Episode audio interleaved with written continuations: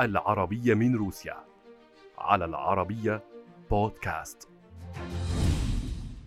انهار الروبل وأفلست روسيا في عام 1998 وهو نفس العام الذي قام فيه الرئيس الروسي آنذاك بوريس يلتسن بنقل رفات قيصر روسيا نيكولا الثاني وعائلته في محاولة لإعادة تمجيد الماضي لأن الروس باتوا مهتمين بإعادة أمجادهم الإمبراطورية ولم يعد يهمهم ما يقوله عنهم الغرب من أنهم يعيشون عقود الانغلاق ولكن يهمهم أكثر الاستقرار وخشية الآخرين منهم.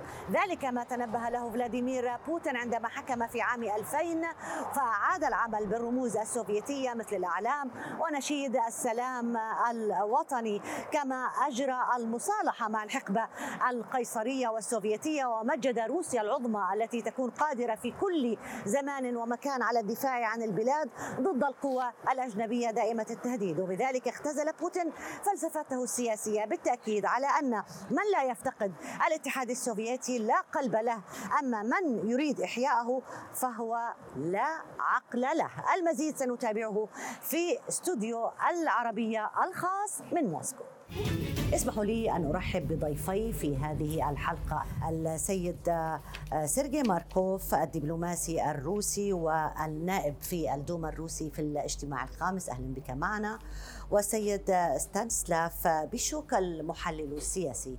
أهلا بكما ضيفي الكريمين. وأبدأ معك سيد سيرجي ماركوف. صعود روسيا في العقدين الأخيرين وثم قرار آه، آه، روسيا دخول الحرب مع أوكرانيا. أثار تساؤلات حقيقة حول ما الذي يسعى إليه بوتين. هل يسعى إلى إعادة إحياء الإمبراطورية؟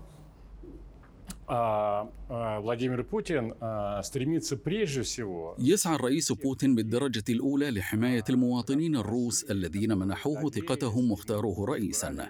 هؤلاء الناس البسطاء من أطباء ومعلمين ومهندسين يعتبرون المسؤولين الحقيقيين له في عمله الذي يجب أن يؤدي واجبه أمامهم. وهم يطالبونه بعدم نشوب أي حرب. وهذه هي الفكرة الرئيسية عند الشعب الروسي بعد الكارثة الفاجعة الممثلة بالحرب العالمية الثانية. لهذا فإن بوتين الذي نشأ صبيا شقيا في بطرسبرغ ثاني أكبر المدن الروسية والذي عرف من تجربة الشقاوة والقتال أنه إذا كنت واثقا ألا مهرب من الصدام والمواجهة القتالية. في حال أن ذلك لابد منه. يجب أن تبدأ بالضربة الأولى. ولأن الكرملين بات على ثقة كاملة من أن أمريكا تصنع من أوكرانيا عدوا لروسيا وسوف تشن حربا على روسيا في نهاية عام 2023 أو بداية عام 2024 لأن إعادة انتخاب بوتين ستجري في ربيع عام 2024 إذ أن هدف أمريكا الرئيسي عرقلة الانتخابات وتنصيب حكومة روسية تكون بمثابة دمية بأيديها. عندما أدرك بوتين أن الحرب الكبيرة آتية لا محالة قرر أن يستبقها بحرب صغيرة فبدأ بهذه العملية العسكرية. لذلك لا يفكر بوتين الآن بإحياء روسيا الكبرى بل بإنقاذ أولئك الذين يتحملوا مسؤولية سلامتهم. إنهم مواطنو روسيا وكذلك مواطنو أوكرانيا الذين وجدوا أنفسهم تحت حكم قمعي تماما ومعاد للديمقراطية. ففي أوكرانيا ليس زيلينسكي هو الدكتاتور وإنما هم ضباط أجهزة الاستخبارات الأمريكية والبريطانية. هؤلاء أيضا أعداء بوتين الذين يريدون الإطاحة به ويريد هو أن يطردهم من أوكرانيا. وأضيف هنا أن هذه الحرب هي أيضا حرب شخصية بين بايدن وبوتين. هذه هي المأساة. عندما أتى بايدن عام 2010 إلى موسكو قال لبوتين لا ترشح نفسك للانتخابات الرئاسية المقبلة. لا تفعل ذلك. أمريكا العظمى تعرض عليك الا تفعل ذلك. فأجابه بوتين بأن يذهب من هنا إلى الجحيم.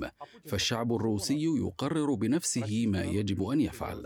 طيب إذا سمحت لي سيد ماركوف وكأننا نتحدث عن نوعين مختلفين من الحرب هنا. الحرب الامريكيه على روسيا هي حرب ربما تستخدم فيها القوى ناعمه، هي مساله انضمام بعض دول الاتحاد السوفيتي للناتو، هي مساله ال ال ال ال التمركز على حدود روسيا او التدخل في الانتخابات او شان الانتخابات، اما المعركه التي تقودها روسيا فهي معركه عسكريه، يعني هل يمكن هل تصح المقارنه بهذا الشكل؟ Ну нет, не только. لا ليس هذا فقط. فالحرب الأمريكية على روسيا حرب مباشرة. هي حرب بالنيابة. فمن وجهة نظرنا لا تملك أوكرانيا جيشا تحارب به إذ أن جيشها يخضع بشكل كامل للجنرالات الأمريكيين. بالضبط كما تقول السعودية إن الحوثيين في اليمن هم جيش بالنيابة لإيران. بنفس الطريقة أصبح الجيش الأوكراني جيشا بالنيابة لأمريكا. كما تقول إسرائيل إن حماس جيش بالنيابة لإيران نقول نحن كذلك إن الجيش الأوكراني جيش بالنيابة لأمريكا. لذلك إنها حرب أمريكية مباشرة على روسيا.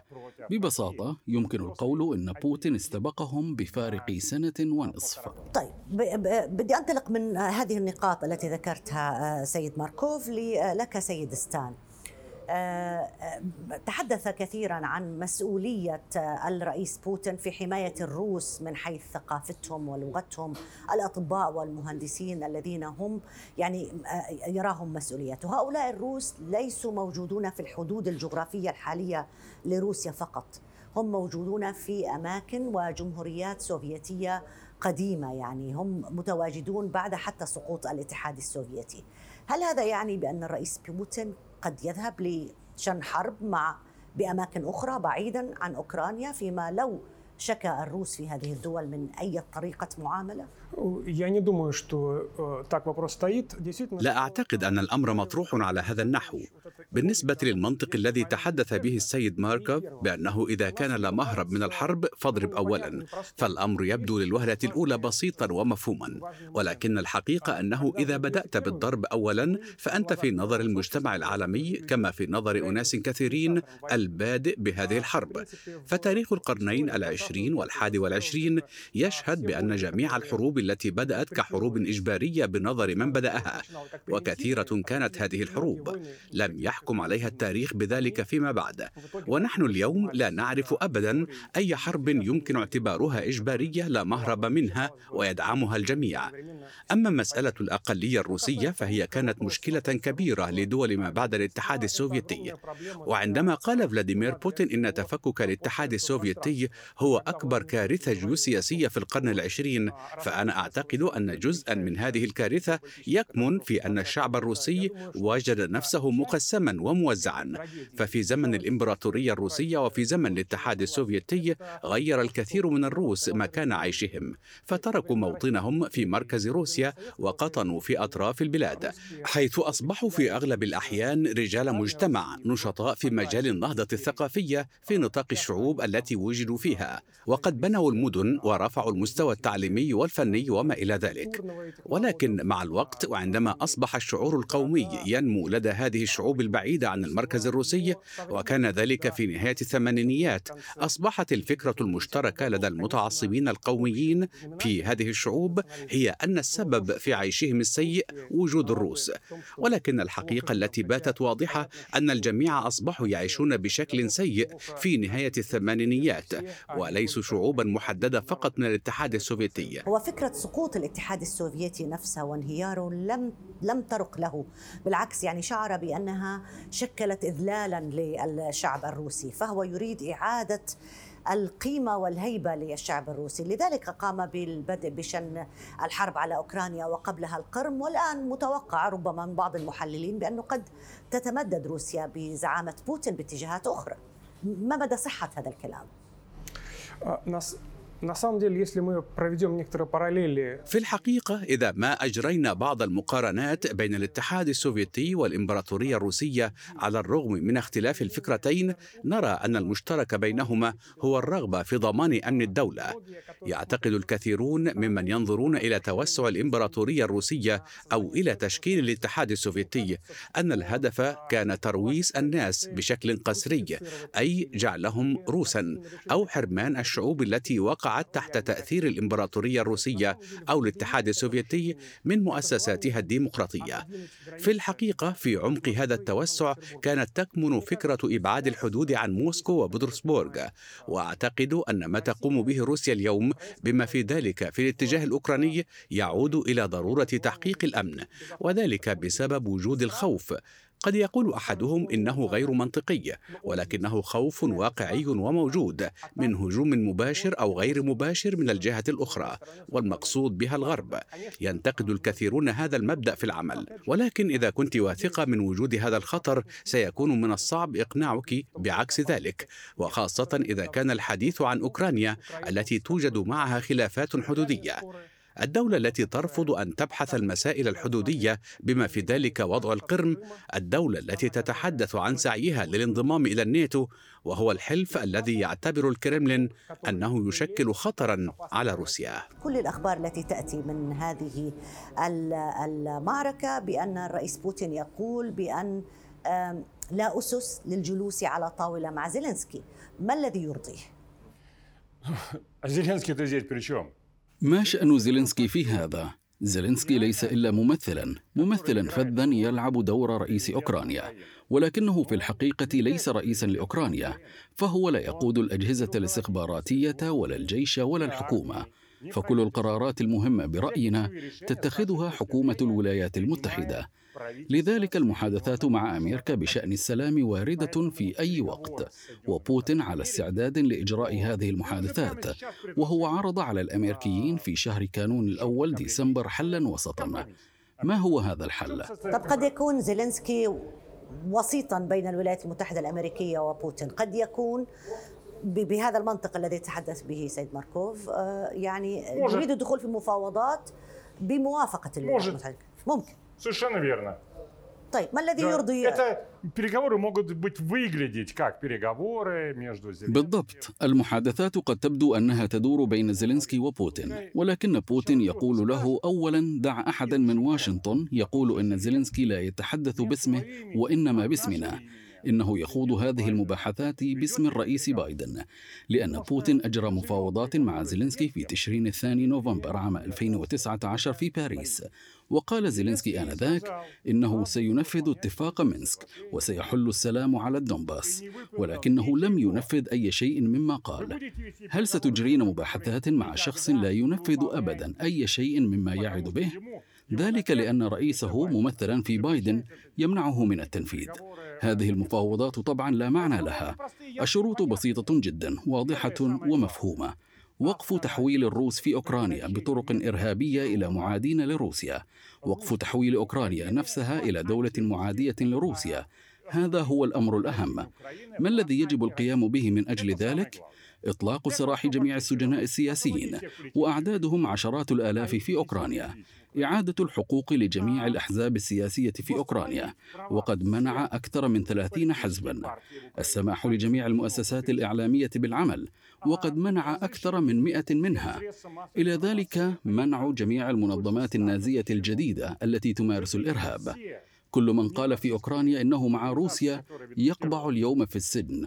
لا بد من إطلاق سراح هؤلاء وتقديم الاعتذار لهم وإعادتهم لعملهم في البرلمان. فقد كان أغلبهم نوابا. هذه الشروط الرئيسية لفلاديمير بوتين والأفضل أن نؤكد أن أوكرانيا ستكون دولة حيادية وأن توقف عسكرة البلد وأن ينزع السلاح الثقيل الهجومي منها. وعدا ذلك سنؤكد طبعا على منع الفاشية في أوكرانيا وأن تصبح اللغة الروسية اللغة الرسمية الثانية في البلاد. الطلب بأن تكون دولة حيادية قد يكون مقبول أن لا تنضم للناتو لكن أن تكون دولة منزوعة السلاح. أليس هذا تعدي على سياسة دولة آه، جار؟ Нет, это спасение соседа. لا إنه إنقاذ للجار. عندما يصبح الجار عضوا في عصابة عدو لك وتمنعه من حمل السلاح ربما تنقذه من مصير مأساوي بأن يكون عضوا في هذه العصابة. على فكرة سؤالك هذا يوجهنا للحديث عن الفرق بين سياسة بوتين وسياسة الإمبراطورية الروسية أو الاتحاد السوفيتي. فالإمبراطورية الروسية أرادت التوسع وضم الأراضي كجميع الإمبراطوريات والاتحاد السوفيتي أراد السيطرة على العالم بأكمله بينما يسعى بوتين من أجل حق بلاده بوجود جيران أصدقاء وهذا مطلبنا الرئيسي. نحن نريد أن تكون أوكرانيا صديقا لنا وليس عدوا ومن أجل ذلك نحارب. طيب سيد ستان هل القضية متعلقة بشخصية الرئيس بوتين؟ بأنه دخل هذه الحرب لن يتنازل حتى يصل إلى مبتغاه. هل هذا متعلق بخلفية الرئيس بوتين؟ بالفكرة التي تراوده كما يقول كثيرون بعودة القوة لروسيا كما كانت. يعني هل تتميز شخصية بوتين بهذا؟ هو من يقرر بذلك. عندما يجري الحديث عن العلاقات الدولية في العلوم السياسية هناك وجهتا نظر متناقضتان. الأولى تقول إن كل ما يجري بين الدول ليس إلا نتيجة لقرارات أشخاص محددين الرئيس أو القيصر أو رئيس الوزراء أي من يدير الحكم. مهما يحدث فهو بقرار من هذا الشخص هو يقول والبلاد تنفذ.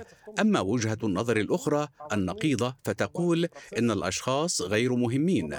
المهم هو ما يجري من تغيرات وأحداث عميقة تدفع السياسيين للعمل في هذا الاتجاه أو ذاك. يمكنني القول إن الحقيقة ليست في الوسط تماما وإنما هي أقرب إلى العامل البشري. لأن الحروب لا تبدأ بنفسها بل يبدأ بها أناس بعينهم وكذلك لا تنتهي بنفسها. عندما تطالب حكومة دولة دولة أخرى بأمور معينة لا يعني ذلك أن ملايين المواطنين من هذه الدولة تطالب الملايين من الدولة الأخرى بإلغاء قانون مثلا أو تغيير الحدود. بل يفعل ذلك أناس محددون رؤساء ووزراء خارجية وهكذا. أما فيما يتعلق ببوتين فمفارقة الوضع الحالي أن الروس كشعب لم يعيشوا بشكل غني ومريح وآمن ولم يكن لديهم هذه المقدرات والمجالات للتقدم كما في العشرين سنة الأخيرة. وعندما يقول لنا أحد ما إننا كنا في حقيقة الأمر كل هذا الوقت خاضعين للإهانة من قبل الغرب والولايات المتحدة فمن الصعب تصور ذلك. وهذه مشكلة كبيرة عندما نعيش بشكل أفضل وأفضل ثم في لحظة نجد أن كل هذا ليس صحيحا ولا بد من تغيير الهيكلة العالمية وبشكل سريع. لا أدري ما الذي يحمله المستقبل ولكن يصعب شرح ذلك حتى للروس أنفسهم. صحيح. ولكن لم يعني تتولد هذه المشاعر في العقدين الأخيرين إلا بعد أن أصبح بوتين رئيسا لروسيا. كم لعبت شخصية بوتين دورا في فكرة إحياء هذه الأفكار القومية؟ أولا كم التيار الموجود على الساحة في روسيا الذي يؤمن بضرورة إعادة إحياء القومية الروسية؟ خليني أسألك سيد ماركوف. آه آه هل تعلمين؟ لقد شاركت في مشروع بوتين هذا منذ البداية عندما بحثنا عن الشخص الذي يجب أن يخلف بوريس يلتسن للحفاظ على السلطة آنذاك سألنا الناس. من الشخصية التي يجب أن يحاكيها رئيس روسيا؟ فأجمعوا على شخصين رئيسيين أحدهما حقيقي وهو المارشال جوكوف قائد الجيش السوفيتي الذي دخل برلين في الحرب العالمية الثانية الذي هزم ألمانيا في ضواحي موسكو وغيرها من المناطق. أما الشخصية الثانية فهو بطل فيلم روسي شهير وهو رجل في أجهزة الاستخبارات. إنه الرجل الذي يستطيع أن يخدع جميع أعدائه. وقد اختير بوتين من قبل فريق يلتسن بناء على هذه الميول من قبل الشعب الروسي. أراد هذا الشعب أن يكون الرئيس رجل استخبارات محنكا وجنرالا منتصرا وهو يختزل ويحقق هذين المبدأين في حياته. فبوتين من وجهة النظر هذه مثل أنتي أنتايوس من الأساطير الإغريقية تكمن قوته في دعم الروس الكبير له ولذلك يتراوح هذا الدعم دائما ما بين 60 و 80% من سكان روسيا ما يعد رقما قياسيا في جميع الدول الأوروبية. وقوة بوتين تأتي أيضا من قدرته على الجمع بين التحليل المنطقي لكيفية الوصول للهدف وعملية وضع أهداف غير معقولة. لأن هذه الأهداف لا يختارها هو في الحقيقة بل يغوص في عمق اللاوعي عند الشعب الروسي ويتوصل إلى الهدف. لذلك أراه سياسيا فذا وقد استطاع تحقيق معظم أهدافه التي وضعها نصب عينيه ومن هذه الناحية أجد أن مع الأمريكيين حقا في شيطنته من وجهة نظرهم. وهنا نتساءل عن براغماتية بوتين هل يمكن أن تقوده للتخلي عن بعض من أحلامه مثلا؟ آه، بالطبع فهو دقيق جدا كلاعب شطرنج. أقول من جديد الأهداف التي يضعها لا يختارها هو بل يأخذها من عمق اللاوعي عند الشعب الروسي. إما للوصول إلى الهدف فهو كلاعب الشطرنج يغير أماكن حجارته ويمكنه أن يتخلى عن بعضها. ورغم ذلك يعتبر الكثيرون في العالم أن هدفه إحياء روسيا العظمى. هذا غير صحيح ابدا. هدف بوتين أن يعيش الناس الذين صوتوا له بشكل جيد وأن يحصلوا على السلام والصداقة حولهم أي أن تكون لديهم القدرة على التحديث والتقدم السريع في البلاد وألا يكون هناك حزام من الأعداء حولها. هذا هو الهدف الرئيسي.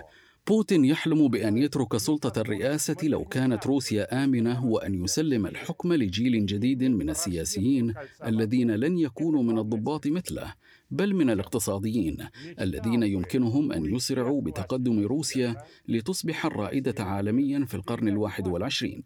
ولكن في هذا الوضع الذي لا يسمحون فيه لروسيا بالتطور ويحيطونها بحلقة من الأنظمة المعادية يجبر بوتين كجنرال في الجيش أن يخترق هذه الحلقة إذ لا يجب أن يسمح للأعداء بخنق روسيا. هذا هدفه اليوم الذي يناضل من أجله ويتمتع بدعم الروس في ذلك. واضح. يقول السيد ماركوف بأنه يتمتع بدعم المواطنين جميعا. هل هذا يعني أن السياسة الحالية الروسية هي سياسة تيار عريض وطبقة سياسية محسوب لها حساب في روسيا أم أنها سياسة بوتينية بحتة؟ يعني بعد 2024 إذا لم تتم إعادة انتخاب الرئيس بوتين أو رحل الرئيس بوتين هل ستبقى الاستراتيجية في التعامل مع الأوضاع الإقليمية والأوضاع العالمية نفسها أم أن المسألة لها خصوصية في في في طريقة تفكير الرئيس بوتين؟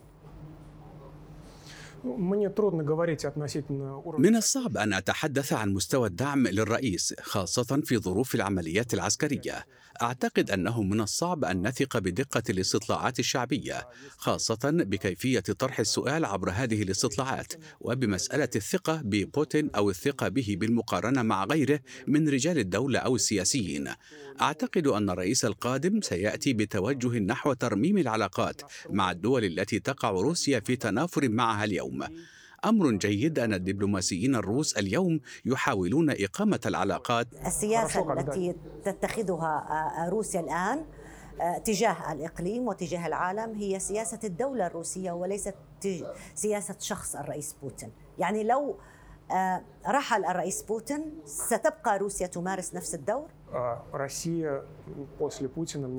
أعتقد أن روسيا بعد رحيل بوتين ستكون مهتمة أكثر بإعادة العلاقات التي انهارت في السنوات الأخيرة. أعتقد أن هذا توجه عام رغم صعوبة الحديث عن المستقبل في مثل هذه الظروف. أما إذا تحدثنا عن الأمن فالأمر الذي تناوله السيد سيرجي فهل تعرفين ما العامل المشترك بين النقود والأمن؟ المشترك بينهما أن كلاهما لم يكن كثيرا جدا في يوم من الأيام ولذلك إذا ما تذكرنا بداية حكم بوتين لوجدنا أن روسيا لم تكن آمنة حتى في داخلها. فكانت هناك على سبيل المثال جمهورية شيشان التي لم تكن تحت سيطرة موسكو والتي كانت تشكل خطرا أي أنه في ذلك الوقت كان التهديد بالخطر داخليا. استطاع بوتين أن يزيل هذا الخطر وقد دعمته جميع طبقات الشعب آنذاك منذ بداية عام 2000 كما دعمته مختلف الأحزاب السياسية من محافظين وليبراليين واليوم ظهرت مسألة أوكرانيا التي لا تقع داخل روسيا ولكنها على حدودها. فإذا ما زال هذا الخطر واستقر الوضع معها يمكنكم أن تقولوا إذا كنتم تهتمون جدا بمسألة الأمن إن هناك خطرا من دول أخرى. لذلك يجب أن يكون هناك حوار دائم في المجتمع بين من يهتم كثيرا بالمسألة الأمنية وبين من يقول إن الأمن كاف لننصرف إذا إلى بناء علاقتنا مع الدول المجاورة. سيد مركاف ذكرت أكثر من مرة بأن طموح الرئيس بوتين ليس إعادة القيصرية أو إعادة التاريخ إلى الوراء إنما استقرار روسيا واستقرار وأمان المواطن الروسي. لكن الرئيس بوتين نفسه يعني يعني يستشهد ب بطرس الأكبر بطرس الأكبر معروف بأنه يعني العودة إلى الاستشهاد به أو كاترينا الثانية هو العودة لأحلام الإمبراطورية الروسية كيف يمكن القول بأنه, بأنه لا يأمل بالعودة إلى ما كان عليه سابقا الوضع الروسي العام а, Путин прекрасно понимает о том, что время жестких империй ушло, بوتين يدرك جيدا أن زمن الإمبراطوريات القاسية قد مضى والآن حان وقت الإمبراطوريات التي يمكن أن نصفها بالناعمة وهي تسمى اتحادات كالاتحاد الأوروبي. وبوتين يحلم ببناء مثل هذه الإمبراطورية بما يتناسب مع روح القرن الحادي والعشرين. وما يحلم به بوتين يسمى الاتحاد الاقتصادي الأورو آسيوي ولكن المشكلة في أن الأمريكيين لا يسمحون للدول التي تريد أن تصبح عضوا في هذا الاتحاد مثل أوكرانيا بالانضمام إلى جانب روسيا. لذلك بوتين مجبر على التصرف بقسوة. لقد قلت وكنت دقيقة في قولك بأن المثل الأعلى لبوتين هما بطرس الأول وكاترينا الثانية. ما العامل المشترك الأهم بينهما؟ أنهما كانا غربيي الميول، لقد حققا تحديثا وتطويرا سريعين في روسيا، ولم يخافا أن يكونا ثائرين ويحدثا التغيير في الداخل الروسي. لقد حاولا عدم القيام بحروب بل عملا على تكثيف الجهد من أجل تحديث روسيا وتشكيلها من جديد في الداخل، وجراء ذلك دخلا التاريخ كإمبراطورين عظيمين. ولذلك عندما طالبت أغلبية الشعب عام 2014 أن يدخل الجيش إلى أوكرانيا لم يفعل. بل انتظر ثمان سنوات كان يرجو فيها الغرب ويحاول إقناعه بالتوصل إلى اتفاق يرضي الجميع وأن يبعد الغرب النظام الإرهابي المسيطر في أوكرانيا. حاول بوتين أن يستثني الحرب ثمانية سنوات. لقد كان هذا خطأ إذ بات الأمر يكلف دماء كثيرة اليوم. لقد كان خطأ من بوتين من وجهة نظر معظم السكان. كان يجب إرسال الجيش الروسي آنذاك أي منذ ثمان سنوات ولكن بوتين الذي يعد أحد أكبر المسالمين بين الروس لم يرسل الجيش إلى أوكرانيا وانتظر كل هذه السنوات رغم مطالبة الناس بذلك أريد أن أقول للساسة الغربيين قيموا بوتين وأعطوه حقه في ذلك. الحروب بالعادة تدفع أثمانها كثيرا وعاده من قبل الشعب. إلى أي مدى آه، آه، سيد ستان تعتقد بأن الشعب الروسي سيتحمل عواقب آه، أي حروب مستقبلية يمكن أن تحدث؟ وعلى الأقل هذه الحرب في أوكرانيا. إلى أي مدى سيصمد الشعب الروسي؟ سيبقى واقفا وراء رئيسه. في واقع الأمر كي تبدل السلطة أو يغير الحكم وبالذات بطريقة ثورية لا بد من حزب ثوري أو مجموعة من الناس الذين يملكون افكارا معينة ويملكون شبكة متشعبة من العلاقات. وعندما تحدث أزمة ما يقولون إن بإمكانهم تغيير الرئيس وتغيير الحكومة وجميع المسؤولين ورؤساء البلديات في المدن وما إلى ذلك. مثل هذه الشبكة كانت لدى البلاشفه منذ مئة عام. عندما قاموا بالثورة في روسيا. الرئيس بوتين الذي ولد في سان بطرسبورغ والذي يعرف جيدا هذا التاريخ عمل أثناء حكمه على عدم إمكانية ظهور شبكة موازية كهذه. لذلك عندما يقولون اليوم إنه ما من رئيس غير بوتين وما من حزب قادر على الحكم غير الحاكم الآن هم محقون. لأنه في هذا الإطار يتم إلغاء جميع الأفكار المنافسة أو الجماعات المنافسة. وفي هذا السياق أيضا من الصعب أن أقول إلى أي درجة في الواقع يدعم الناس العملية العسكرية في أوكرانيا. لنقل مثلا إن الناس من مجموعتي لا يدعمون ويقال إن الناس من فئات أخرى يدعمون هذه العملية. من الصعب التأكيد هنا إذ اعتاد الناس داخل روسيا أن يعيشوا بسلام وألا يحتجوا لأي سبب كان ما يعني أن غياب الاحتجاجات لا يدل على الدعم. يريد الناس العودة إلى الحياة الطبيعية، أما العقوبات التي فرضها الغرب فلا تؤدي إلى النتائج الكبيرة المرجوة من الغرب حتى اليوم.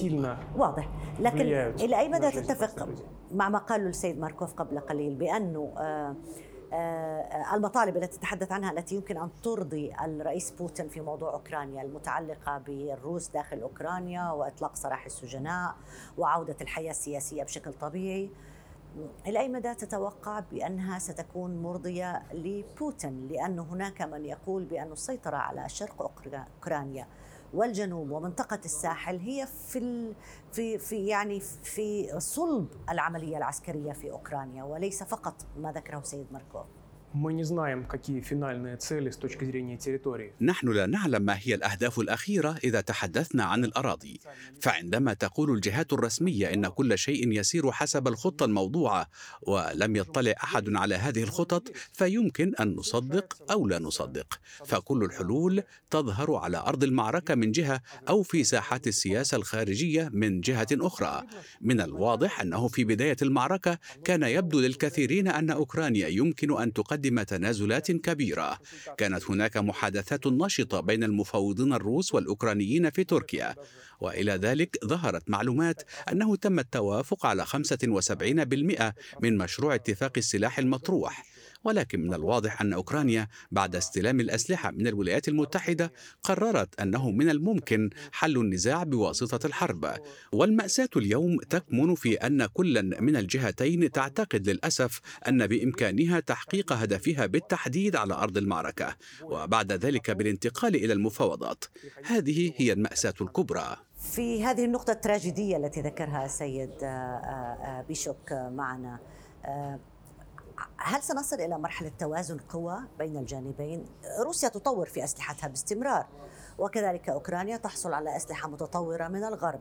في مرحلة ممكن نصل فيها إلى آه، حالة آه، آه، سكون أو حالة توازن قوى بين الجانبين بحيث تجبر الأطراف فعلا على الجلوس على طاولة مفاوضات. لقد قلت من قبل وليكون الأمر أكثر وضوحا سأكرر قولي. لا يوجد رئيس لأوكرانيا باسم زيلينسكي. هنا نجد الممثل زيلينسكي الذي يلعب دور رئيس أوكرانيا. نحن نرى الأمر على هذا النحو. إلى ذلك لا توجد اليوم أوكرانيا كدولة ذات سيادة. توجد دولة تعد حسب المفاهيم السياسية للقرن الحادي والعشرين دولة محتلة من قبل الولايات المتحدة الأمريكية. وهنا تكمن المأساة. إنها الحرب بالنيابة التي تخوضها الولايات المتحدة بأيدي أوكرانيا ولا تواجه صعوبات كثيرة لا تعيش أي مأساة. ارتفعت الأسعار هناك في محطات البنزين. هذه ليست بالمأساة الكبيرة كالتي حلت بسكان أوكرانيا الذين يموتون بالآلاف. كان زيلينسكي سعيدا جدا لو استطاع وقف العمليات العسكرية ولكنه واقع في الأسر وكذلك عائلته زوجته وأولاده يعتبرون في الأسر إذ قد تقضي عليه الأجهزة الأمريكية المعنية في أي لحظة. نحن نرى الوضع على هذا النحو. يمكنكم القول إن هذا ليس إلا أسطورة أو وهما. إن هذا ليس صحيحا. وان زيلينسكي رئيس مستقل. ولكن المستقبل سيثبت المحق. نحن على ثقة بأننا على حق. لذلك كي توقف هذه المأساة يجب أن تشعر الدولة التي تخوض هذه الحرب بالصعوبات لديها. يجب أن يشعر الأمريكيون بذلك. حتى اليوم لا أجد هذا الأمر ممكنا. لذلك أعتقد أنهم سيتابعون الحرب حتى يسيطر الجيش الروسي على أكبر المدن المليونية في أوكرانيا مثل خاركيف وأوديسا ونيكولايف ودينيبر وزابوريجيا. بعد ذلك فقط ستوافق أمريكا على إجراء المفاوضات وتوقعاتي أن يتم ذلك في ربيع أو صيف العام المقبل. حتى حتى نكون يعني في في في صوره هذه الحرب الذي يحدث هو ليس محاوله من قبل بوتين او من قبل روسيا لاحتلال اوكرانيا انما لاجبار الولايات المتحده الامريكيه على الحوار؟ Конечно нет. Не-не-не. Не чтобы заставить США. لا طبعا لا ليس لاجبار الولايات المتحده روسيا كما تعلمين دوله كبيره جدا لدينا من الاراضي اكثر بكثير مما لدى اي دوله لسنا بحاجة إلى أراض جديدة من دولة أخرى، ولكننا لا يمكن أن نسمح لأمريكا بأن تجعل العلاقات بين روسيا وأوكرانيا مثل العلاقة بين الهند وباكستان أو بين كوريا الشمالية وكوريا الجنوبية. هي لا تخفي هذا الأمر، إنها تريد تحقيق ذلك، لن نسمح بمثل هذا أبدا. نحن نسعى لأن تكون جارتنا أوكرانيا دولة صديقة وليست عدوة، لذلك نتحدث عن رفع الاحتلال عن أوكرانيا وعن تحرير هذه المناطق. لا أن نسيطر على الأراضي الأوكرانية بل نسعى ألا توجد في أوكرانيا دولة معادية لروسيا. تلك المناطق التي دخلها الجيش الروسي لن يخرج منها. وهنا تقصد القرم. لا لا بل كل المناطق التي دخلها الجيش القرم ودونيتسك ولوغانسك وخيرسون وزابوروجيا. كل دونباس وكلها. الدونباس بشكل عام. انتهى امرها بالنسبة لروسيا بل خيرسون وزابوروجيا أيضا. وإذا استمر الأمر عدة شهور أيضا ستسيطر روسيا على نيكولايف وخاركيف وأوديسا. لتصبح هذه المناطق أيضا جزءا من روسيا. هذا رسم خارطة عالمية جديدة خارطة منطقية جديدة. يعني كأنه في إعادة رسم للخرائط. الجغرافية. جغرافيا. نعم إنها خارطة جديدة. هذا كي يكون هناك حافز عند الولايات المتحدة لتجلس على طاولة المحادثات عليها أن تعلم أنه كلما ماطلت في مسألة المفاوضات عادت مدن روسية أكثر إلى روسيا وعلى فكرة هي مدن بنتها يكاترينا الثانية سؤال أخير آه، آه، سيد بشوك العالم تغير بعد الرابع والعشرين من فبراير في داخل روسيا ما الذي تغير؟ في روسيا أصبح الناس يخشون أكثر بشأن مستقبلهم. في العلاقات الدولية إحدى المعادلات الصعبة تعتبر منظومة الأمن. فإذا أرادت دولتك أن ترفع من مستوى أمنها لأنها تخشى جارتها قد يكون ذلك مبررا ومنطقيا وقد لا يكون. ستبدأ هذه الدولة بتسليح جيشها بشكل مكثف، ولكن الدولة المجاورة ترى ذلك وتعتقد أن جارتها تريد الهجوم على أراضيها. وتبدأ أيضا بعملية التسلح وبناء حلف لمواجهة الجارة العسكرية. وبالنتيجة بعد مرور بعض الوقت قد تنشب الحرب. بالنتيجة أنت بنفسك في محاولة لرفع مستوى الأمن في بلادك. أضعفت في حقيقة الأمر هذا الأمن لظهور حلف ضدك وإلى جوارك. إذا ما أرسل الله أعجوبة ما وأوقفت أوكرانيا غدا أو اليوم وللتو هذه الحرب ووقعت اتفاق السلام مع روسيا أنا لا أعلم كيف؟ سيشعر الناس بأنهم أصبحوا يعيشون بشكل أفضل مما كانوا عليه قبل الرابع والعشرين من شباط فبراير. هنا تكمن المشكلة. لا أرى إمكانية أن ترفع روسيا من مستوى أمنها أو من مستواها الاقتصادي أو العسكري نتيجة الحرب. للأسف. سيد ستان بشوك شكرا جزيلا لك. سيد ماركوف شكرا جزيلا لك على هذا الحوار. وبهذا انتهت هذه الحلقة. من سلسلة الحلقات الخاصة للعربية من موسكو. إلى اللقاء.